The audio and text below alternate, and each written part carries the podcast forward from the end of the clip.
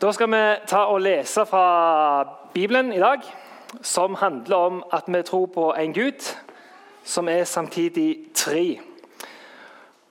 Og Da skal vi lese fra evangeliet etter Matteus, fra kapittel 28 og fra 18 til 20. Da trådte Jesus fram og talte til dem. Jeg har fått all makt i himmelen og på jorden. Gå derfor og gjør alle folkeslag til disipler. Døp dem til Faderens og Sønnens og Den hellige ånds navn. Og lær dem å holde alt det jeg har befalt dere. Og se, jeg er med dere alle dager inntil verdens ende. Da skal jeg finne fram noe her.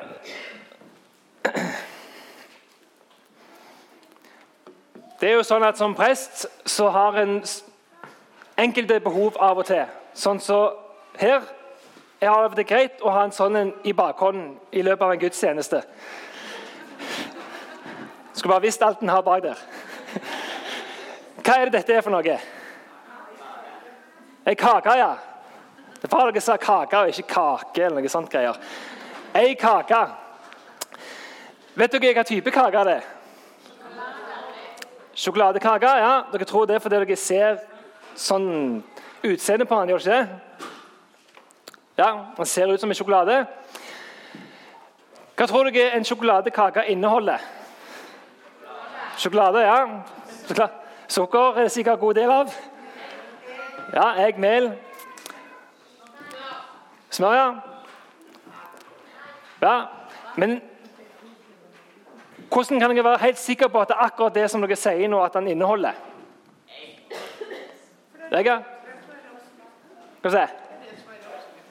Oppskriften, ja. Men eh, for å vite akkurat hva som er i denne kaka, så må du gjerne ta og smake den. Og så Selv om du smaker at ja, det smaker sjokolade, så er det ikke sikkert det er sjokolade. Eh, det er sikkert det, for de som har lagd den.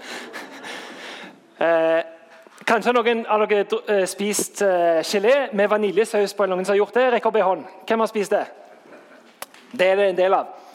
Vet dere at den vanligste vaniljesausen, den som de fleste av oss bruker, den har ingenting vanilje i seg?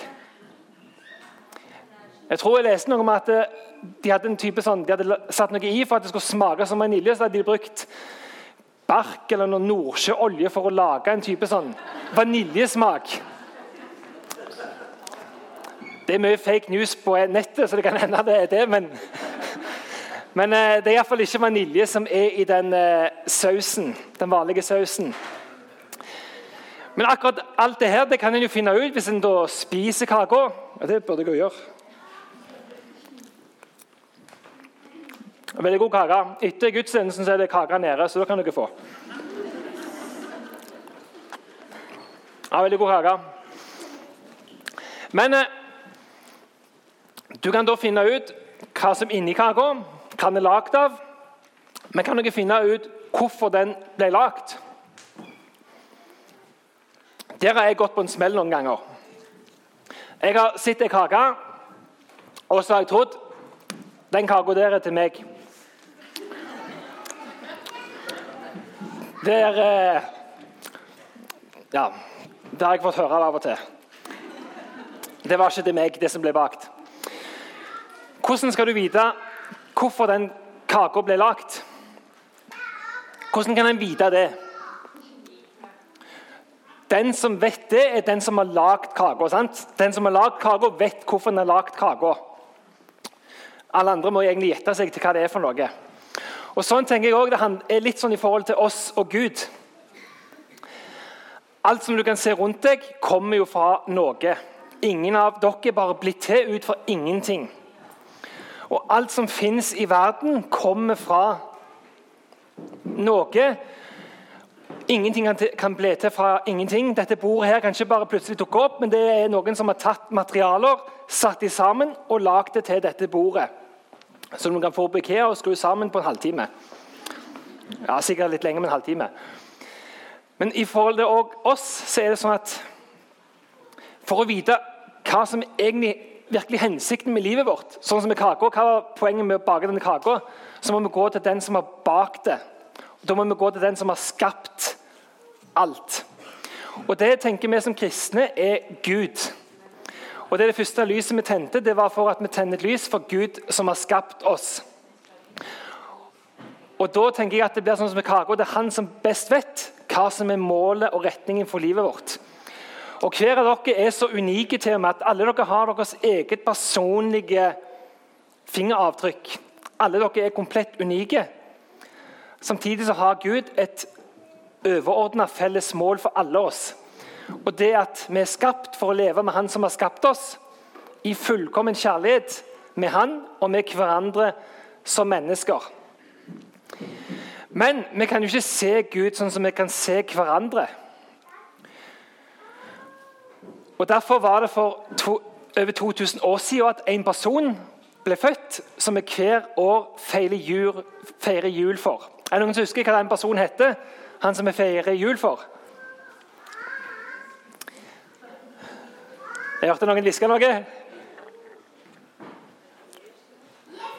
Jesus! ja. Så Hvert år feirer vi jul for at Jesus kom til jorda. Og Hvorfor kom han til jorda? Jo, for at den Gud som er usynlig, som har skapt alt, han ville vise oss hvem han er. Og ikke bare vise oss hvem han er, men vise oss at han elsker hver enkelt av oss. Og vise hva planen har for livene våre. Og Derfor har vi dette korset. Korset handler om det. Før så var korset et verktøy som ble brukt til å straffe folk som hadde gjort noe veldig galt. Jesus han døde på et kors, men ikke for at han hadde gjort noe veldig galt. Men han døde der heller for å ta straffen på vegne av andre mennesker. Overalt, barnehage, skole, jobben, hjemme ikke minst, så har dere noen regler. Og Hvis en bryter reglene, så får en jo en straff for det. Og De reglene som dere har, er jo for at dere skal kunne leve greit med hverandre. At alle skal ha det bra. Alle skal ha det bra i samfunnet. Og Gud har også gitt oss gode regler å leve etter. Men det er ingen av oss mennesker som greier å leve fullt og helt etter det. Og Da skulle vi egentlig fått en straff når vi gjør noe galt. Men Jesus, fordi han elsker oss så høyt, så er det han som tar straffen for oss istedenfor at vi gjør det. Og Derfor er korset det fremste symbolet for hvor høyt Gud elsker oss. Og Derfor er det Jesus sjøl sier at for så høyt har Gud elsket verden, at han ga sin sønn den enbårne, for at hver den som tror på ham, ikke skal gå fortapt, men har evig liv. Så det Jesus gjør, er at han gir oss en mulighet for å få tilgivelse. Vi kan få kjenne hvem Gud er, få ta imot fellesskapet. Og så kan vi leve i den planen som Gud har for livene våre. Og Derfor er det vi sa på det andre lyset at takk, Jesus, for at du har frelst oss.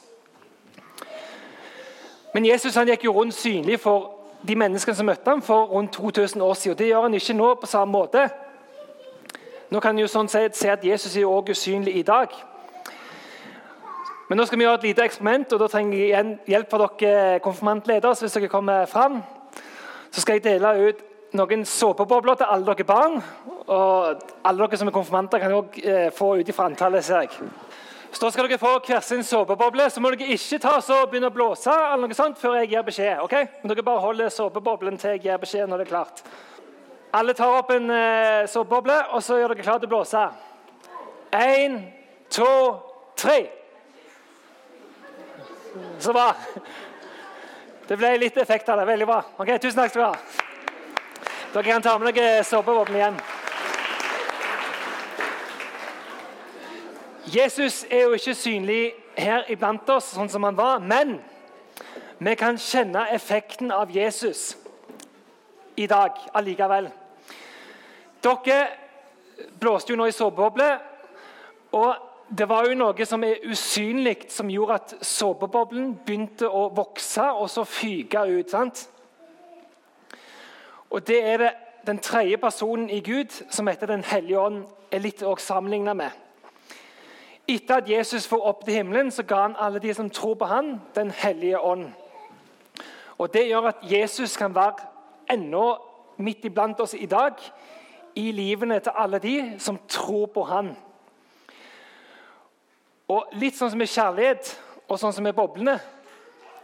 Dere kan ikke se Jesus direkte, men dere kan se effekten av at Jesus er midt iblant oss.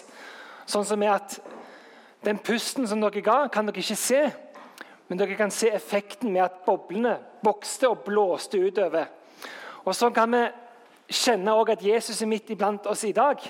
Når han bor i oss, så kan vi da kjenne at den kjærligheten som Jesus ga på korset, den kan vi kjenne nå i dag. Og så kan vi kjenne at vi aldri er alene, at Jesus er med oss.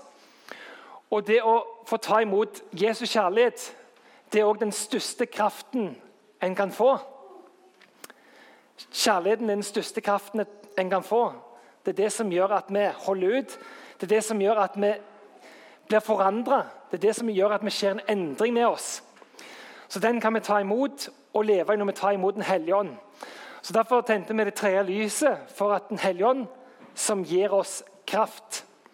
Så selv om en ikke kan se Jesus direkte som før, så er Jesus midt iblant oss. Vi kan bli kjent med han gjennom å ta imot Den hellige ånd og dele den med hverandre. Sånn at folk i dag kan fortsatt få et møte med Jesus. Og Dette er noe av det vi skal snakke om både for konfirmanter og til det som skjer ellers av barn og unge, og til voksne gjennom hele året her i kirka.